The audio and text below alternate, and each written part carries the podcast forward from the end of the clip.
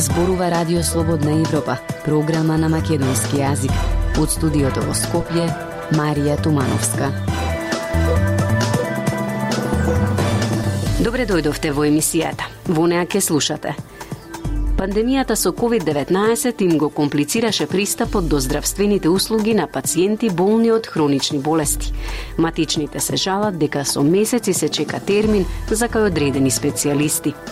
Анализираме кој правец ќе го следи Македонија во однос на ситуацијата во Украина. Дали ќе биде воздржана или ќе даде придонес доколку НАТО одлучи да се вмеша. И покрај заложбите за родова рамноправност, праксата покажува дека во политиката жените ги нема. Аналитичарите велат дека има многу причини поради слабата застапеност на жените во македонската политика. Независни вести и анализи за иднината на Македонија. На Радио Слободна Европа и слободнаевропа.мк. Почнуваме со емисијата. Коронавирусот го отежна пристапот до здравствените услуги за пациентите кои не се болни од COVID-19. Многу од нив се жалат дека со месеци се чека за ехо, за специјалистички преглед или за други поспецифични испитувања. Матичните лекари пак велат дека со месеци нема термин за одредени специјалисти. Зора Нагаджовска Спасовска разговараше со пациенти кои имале мака да дојдат до преглед во време на COVID криза. Стрпи се. Сега не е момент за прегледи. Има ковид. Е советот што 47 годишната Јелена Лазович од Скопје го добила пред речиси две години од својата матична докторка. Таа има автоимуна болест и историја на заболување од рак во семејството. Но долго очекуваните испитувања никако да ги направи. Оти пациентите кои немаат ковид наидуваат на затворени врати во делот скопските клиники. А секојдневието вели не е лесно. Проблемите се тоа брзо замарање, значи автоматските прави нефункционален, значи ти за да симнеш од жица алишта и само да ги наредиш во корпа и да треба да правиш пауза да се одмориш, те успорува во најмал рак. Стравот од заразување и тоа што клиниките беа претворени во ковид центри оставија многу пациенти во изминативе две пандемиски години без соодветна здравствена нега. Се работи за хитно, а се чека по 3-4 месеци за термин да закажеш. Ух, стварно многу тешко и треба многу среќа. Претежно им се затворени сите термини, се снаоѓаме некако, ама многу тешко. Матичните лекари велат дека последниве две години им биле најтешки за работа до сега. Еден проблем ни беа уплашените пациенти кои во три пополноќе звонеа стравувајќи дека имаат коронавирус. Втор проблем ни беше затворениот здравствен систем. Немавме каде да ги упатиме пациентите со други болести, вели докторката Лилија Чолакова Дервишова луѓето кои што имаше потреба да отидат да проверат нели како им работи пейсмейкерот не може да стасат до кардиолог. Луѓето кои што имаат проблеми не можат по 15 дена да отидат по надвор, значи не може да стасат до гастролог, заради тоа што дел од докторите беа повлечени во ковид центри. 6 месеци не можевме да најдеме термин до уролог да пратиме човек. Во пандемиската 2020 година се забележени речиси илјада помалку откриени случаи на рак во однос на 2019. Матичните велат дека нивното искуство во амбуланта покажува оти тој број е далеку поголем. А, имаше на почетокот и пациенти со карцином на белодробие, заради тоа што плашејки се од короната, 6 месеци ниту се прегледале и почувствувале, они за 6 месеци се наполниле метастази и завршија фатално. Специјалистите кои и овие две години без престан работеа, предупредуваат дека по завршувањето на пандемијата со COVID-19 во земјава не очекува пандемија со малигни заболувања. Зголемена смртност во пандемиската 2020 година во однос на предходната се забележува и кај пациенти со срцеви заболувања, рак и респираторни болести. Слободна Европа. Следете на на Facebook, Twitter и YouTube. Македонија може да биде воздржана или да даде придонес доколку НАТО одлучи да се вмеша во ситуацијата во Украина, вели професор Методи Хаджијанев. Тој смета дека Македонија нема директен ризик од евентуалниот конфликт меѓу Русија и Украина. НАТО за сега не побара ништо од земјава, а македонските власти соопштија дека следат што се случува и оти го поддржуваат суверенитетот на Украина. Пелагија Стојанчова Македонија има обврски од членството во НАТО, но има и суверено право да одлучи да остане настрана од евентуален конфликт во Украина. Аналитичарот Исмет Рамадани од Евроатлантскиот совет на Македонија вели дека Македонија, како членка на НАТО, има обврска да се вклучи во евентуален конфликт но професор Методи Хаджијанев посочува дека таа обврска важи само ако е нападната некоја земја членка на НАТО.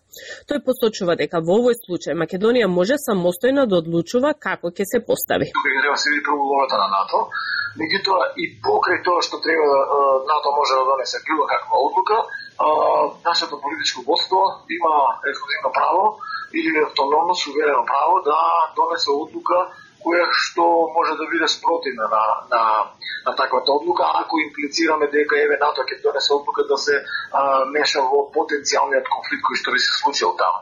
Тоа значи дека ние можеме да бидеме воздржани, но можеме да може да значи и да ќе дадеме добро. Вели професор Хаджи Јанев, кој предава на Војната академија генерал Михајло Апостолски во Скопје. Исмет Рамадани пак вели дека Македонија мора да ги почитува обврските што ги има кон НАТО, како земја членка.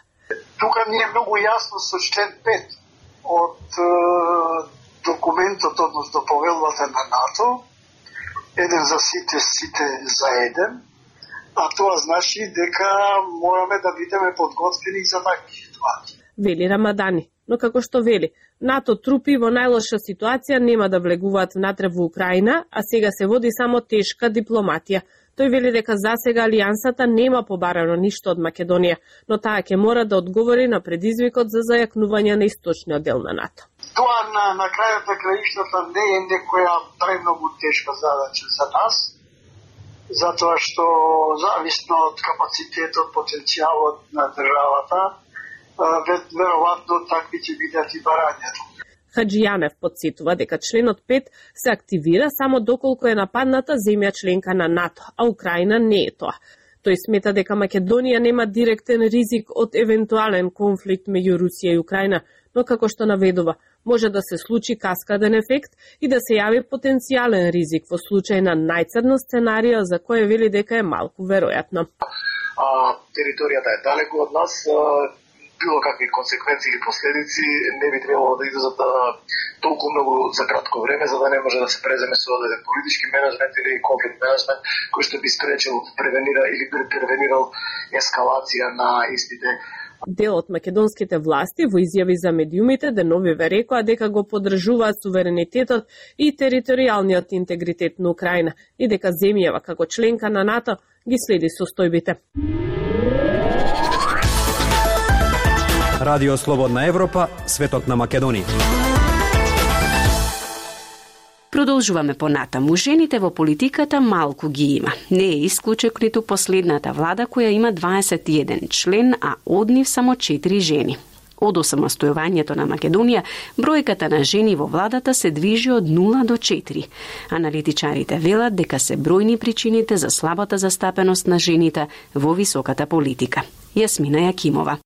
Со 62 гласа за, Собранието ја изгласа новата влада на премиерот Димитар Ковачевски со манда до 2024 година. Но и покрај декларативните заложби за родова равноправност, новата извршна власт ќе има 21 член, ама само 4 жени. Ова не е ништо ново според Билјана Котевска, истражувачка во Институтот за европски политики. Таа подсетува дека од осамостојувањето на Македонија и првата влада на Никола Клюсев, во која немаше ниту една жена, Во 2022 година успеавме да напреднеме само до 4 жени на највисоките владени позиции.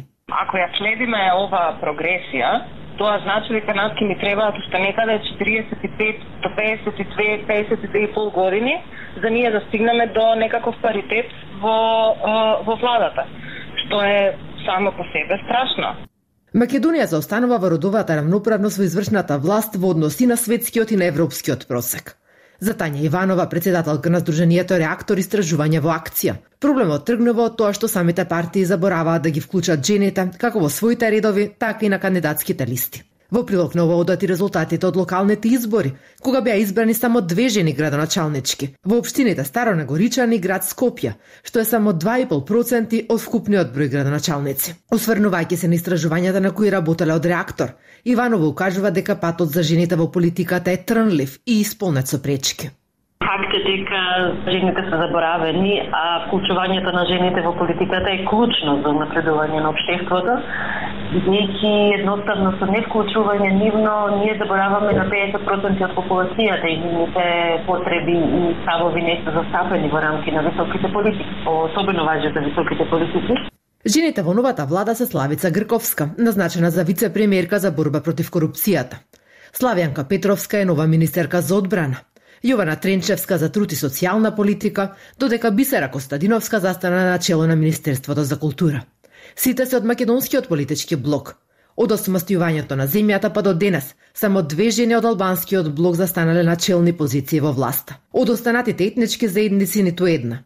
Беса Кадрију, професорка на Универзитетот на Југоисточна Европа, вели дека се уште учеството на жените во политиката е главно декларативно и базирано на бројки и квоти што треба ние да направиме како жени, воопшто кажано, некако дека треба да бидеме поактивни, да ги бараме нашите права, да, да покажуваме дека и ние сме навистина едни фактори кои што би можеле да придонесуваме многу во нашето општество.